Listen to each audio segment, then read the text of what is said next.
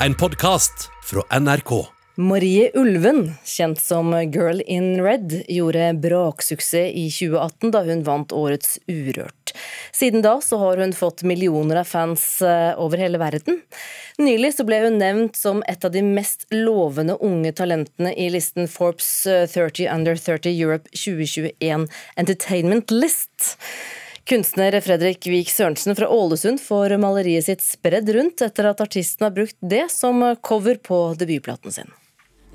No feelings. Dig deep.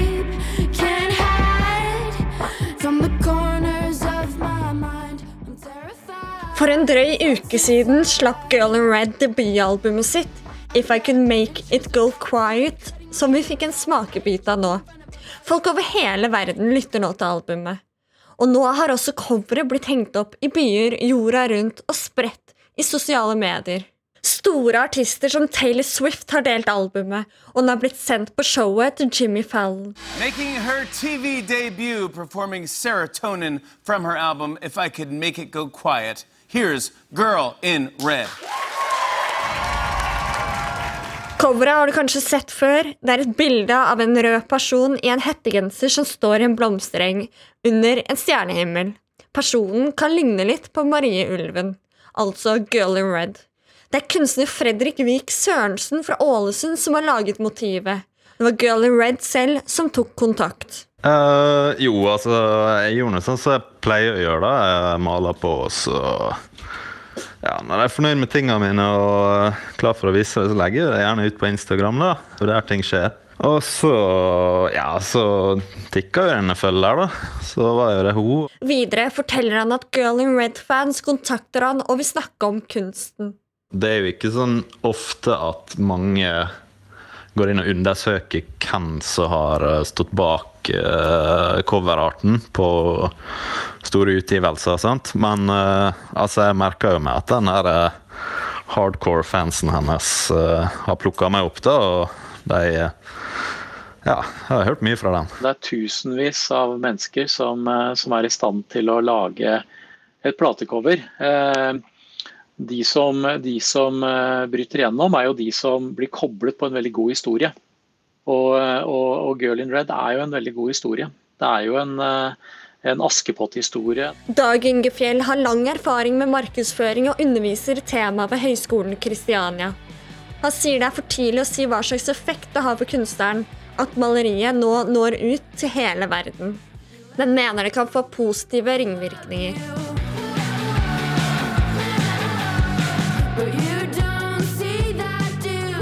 Taylor Swift og alle de andre tenker at dette, dette er en, en, en, stemme, dette er en jente som, som er viktig, eh, kommer på banen. Eh, og, jeg tenker at, eh, at artisten bak dette platecoveret kommer til å mest sannsynlig få en flying start inn i, inn i skal vi si, kunstverden, i, i, innenfor designverden. Altså, kommer helt sikkert til å bli en egen greie rundt vedkommende.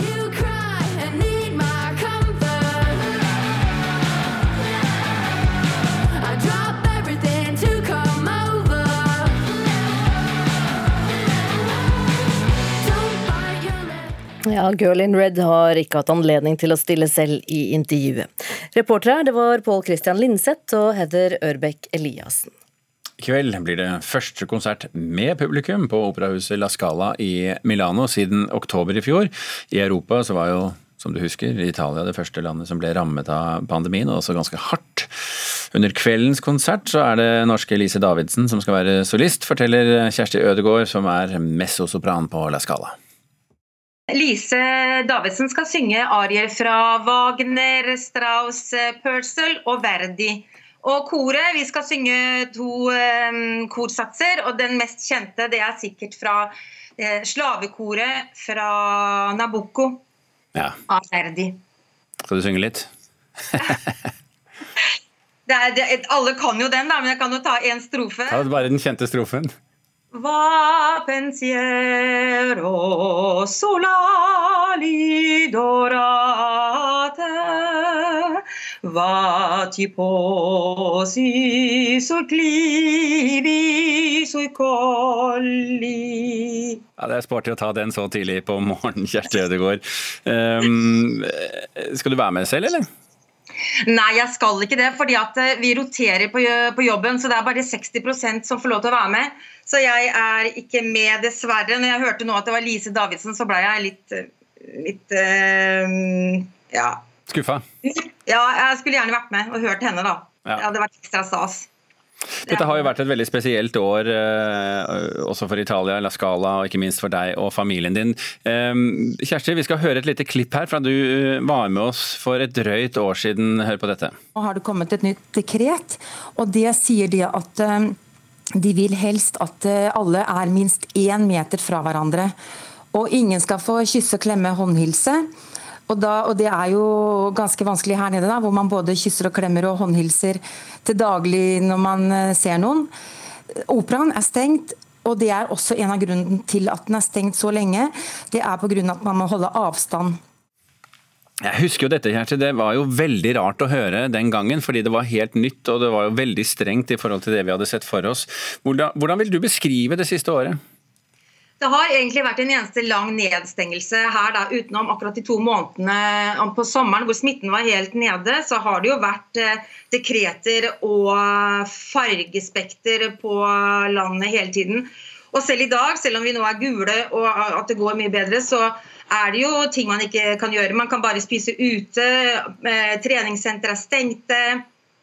Uh, La Scala er egentlig stengt. Det åpner nå i dag og i morgen, men det skal fortsatt bare strime um, fremover. Og, så det er, det er, mange ting som fortsatt ikke fungerer. Treningssentre er stengte. Man kan bare egentlig møtes maks fire ute. Og, altså man må gå med munnbind. da, Selv på gata hvor du ikke møter noen, så skal du ha på deg munnbind. Og det er portforbud. Det er mm. portforbud fra klokka ti til fem om morgenen. Men må dere synge med munnbind? Ja, det må vi. Hvordan, vi hvordan høres det ut? FFP2-maskene, og de er uh, sikre. De er veldig sikre, da. Sånn at, um, men det er jo ubehagelig fordi at uh, når man synger, da, sånn rent praktisk, uh, teknisk sett, så, så er det jo sånn at får liksom ikke Kjeven kommer ikke ned, og eh, laringe er, er liksom ikke sånn som det skal. Så det er jo teknisk sett utfordrende. Men eh, lyden, den er veldig bra. Så de som skal på denne konserten i dag og i morgen, de kan jo glede seg, om ikke annet. Det var Kjersti Ødegaard du hørte der, operasanger på La Scala. He's a cyborg. You should probably move. Barry Allen. Whoever you're looking for, it's not me. You're the Batman? They said the age of heroes would never come again. It has to. Ja, de som er interessert i eh, superheltfilmer, de kjenner kanskje igjen traileren til Justice League fra 2017, med blant andre Gal Gadot i rollen som Wonder Woman. Nå har Gadot i likhet med flere kommet med uttalelser som stiller regissør eh, Joss Whedon i et dårlig lys. Kulturreporter Oda Elise Svelstad, fortell mer om det her. Ja, Gadot gjorde nylig et intervju der hun hevda at eh, Joss Whedon trua karrieren hennes under innspillinga av Justice League i 2016. Eh, hun forteller at Whedon kom med trussel om at hvis hun gjorde noe han ikke likte, om det så gjaldt replikk eller framtoning av karakteren, så skulle han gjøre karrieren hennes miserabel. Ja, og For de som eh, husker litt tilbake, så er det altså ikke første gang det er meldt om, om dårlig arbeidsmiljø under innspilling av nettopp denne filmen. Hun føyer seg inn i rekka til flere andre som har uttalt seg kritisk til Whedon. Blant annet har skuespiller Ray Fisher, som spiller Cyborg i eh, Justice League, fortalt om et giftig miljø på filmsettet. I ljos av dette eh, setter mediekonsernet Warner Media i gang ei eh, etterforsking, som nå er avslutta. I konklusjonen skrev de at eh, de skulle sette i gang tiltak, uten at de spesifiserte hva disse tiltakene skulle innebære. Eh, det har ført til at eh, Roy Fisher videre har kritisert Warner Media for å ikke ta disse skyldningene på alvor. Men Joss Whedon, da, hva svarer han til det? Han har hele tida nekta for skyldningene. Takk skal du ha, Oda Elise Svelstad. Nå skal det handle om vampyrer og muterte monstre og skrekk på generelt nivå. Ikke som du lar deg underholde av på TV, men som du deltar i i dataspillet Resident Evil Village. Det er altså det åttende utgaven. Spillkritiker i NRK, Rune Fjell Olsen, god morgen.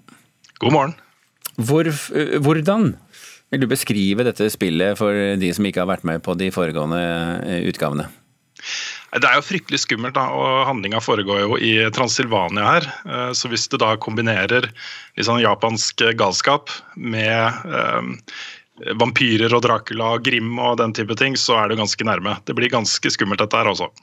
Er det noe man da bør vite før man går i gang med å spille det? Ja, det viktigste er jo at uh, du tåler dette her. Uh, mange er jo glad i skrekkfilmer f.eks. Uh, men da til motsetning fra filmer så kan du ikke bruke pute eller se bort. altså Du må jo stirre disse monstrene inn i hvitøyet for å komme deg videre. Så ofte så blir disse skrekkspillene mye mye skumlere enn det du opplever på film. Det er også en direkte oppfølger av Resident Evil 7. Uh, det er en oppsummering i spillet her hvis du ikke har spilt det, men det er en fordel om du har fått med deg hele historien. Mm. Eh, tilbake på skrekktronen, skriver du i den eh, spillanmeldelsen din som ligger på nrk.no. Eh, hva betyr det i den sammenhengen her? Nei, Capcom var jo med å på en måte definere hele den delen av skrekkspillsjangeren som kalles da survival horror på midten av 90-tallet og framover. Men etter 2005, Resident Evil 4, så gikk serien litt sånn nedadgående kurve. Um, men da etter Resident Evil 7 og remaken av Resident Evil 2 og 3, og så nå dette spillet, så er de virkelig i toppform også. Og man uh, merker veldig godt at de koser seg på jobb når de har lagd dette spillet her, og da blir jo opplevelsene mye morsommere og mer spennende. Og da må du forklare meg hvorfor du bruker ordet dustete i den anmeldelsen. Altså, Skrekksjangeren er jo ganske vid, eh, og vi befinner oss på den enden av skalaen her hvor det handler mye om humor og overdrivelser og absurditeter og den slags. Man kan kanskje sammenligne da eh, Resident Evil med filmer da som Cabin in the Woods eh, og Evil Dead. Mer enn sånn Ondskapens hotell, The Ring, ting som er bare, bare skummelt. Så det blir ganske vilt, dette her.